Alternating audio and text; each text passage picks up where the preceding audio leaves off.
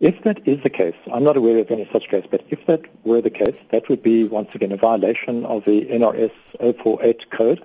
And uh, that municipality concerned uh, would would certainly be in trouble with the National Energy Regulator. Die rede hoekom ek die vraag vra is ek het nou so wat 6 mense wat die afgelope tyd met my gepraat het wat uh, vir my sê dat hulle in hulle woonbuurt, hulle spesifieke woonbuurt nog nooit ooit beerdkrag gehad het, nog nooit nie hoekom sou so iets gebeur? That could happen in a case again when the municipality is not following the the law. Uh, if they're not implementing load shedding according to NRS 048 and if they're excluding any areas then that simply put would, would be illegal and would be you know they would uh, um, in the worst extreme could lose their license to operate withdraw a, a, a distribution license a supply license which is a very very serious matter as you can imagine. 'n Anonieme luisteraar van Waterkloof in Pretoria het die naweek teenoor Monitor beweer dat sy buurt nog nooit beurtkrag gehad het nie. Volgens hom bly 'n kabinetsminister in sy straat en hy meen die toeval is groot genoeg om 'n vraag te regverdig. Monitor het die vraag toe op Facebook gestel en verskeie soortgelyke beweringe gekry. Kutsie Zietsman sê hy het vir amper 2 jaar in Houghton Estate gebly sonder om een keer deur beurtkrag geraak te word. Ek het basies gebly in Houghton Estate. Het ek 'n huis gehuur en dit was 'n driehoek tussen die Guptas, Ouke se Gwale en Galema Motlanthe. En ons het geen beurtkrag ooit gehad of probleme met water of enigiets nie. Uh miskien is die beste manier om dit te beskryf is dat die munisipale dienste in daai area het ons stoutste verwagtinge oortref.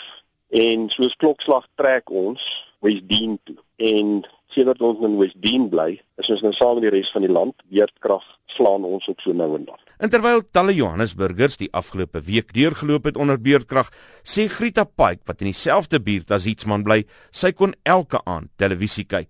Ek bly in Riverstraat Dalton, nie baie ver van Nelson Mandela se huis, 12de Laan, die ou huis, hy het op hier nie meer daar nie. En dan ook baie naby aan daardie Taalboomdekkie, Stoukie se galie is ook net agter my. En ja, ons was nie geaffekteer deur beerdkrag nie. Ek het nie een aand toe skaars op te gesteek het nie. Saterdagoggend was die jy weet as die krag afseker so van 8uur tot 10uur toe, maar verder het ek regtig nie probleme gehad met krag nie. Pike meen ook die stukkie geluk kan moontlik te danke wees aan senior regeringsamptenare wat in die buurt bly. Maar 'n ander anonieme luisteraar het in 'n Facebook boodskap hiervan verskil. Hy skryf: Ons ouens wat daardie mense as bure het, wil dit glad nie uitblaker nie. Hulle krag gaan presies af soos ons in. Maar die manne is gerad met groot kragopwekkers wat outomaties aangaan sodra die krag afgaan. En hoe groter die opwekker, hoe groter die geraas. Maar ouens wat sê dat VIP se krag aanbly te midde van 'n hele buurt se krag aftyd, praat snert, meen die anonieme luisteraar.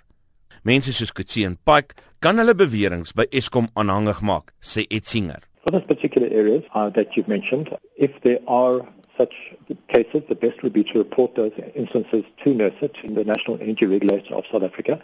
If those are occurring within the Eskom grid, which I rather doubt, then uh, then the best would be to, to call Eskom call a call center, call myself, and, and we'll certainly get that matter addressed. Dit was Andrew Etsinger van Eskom.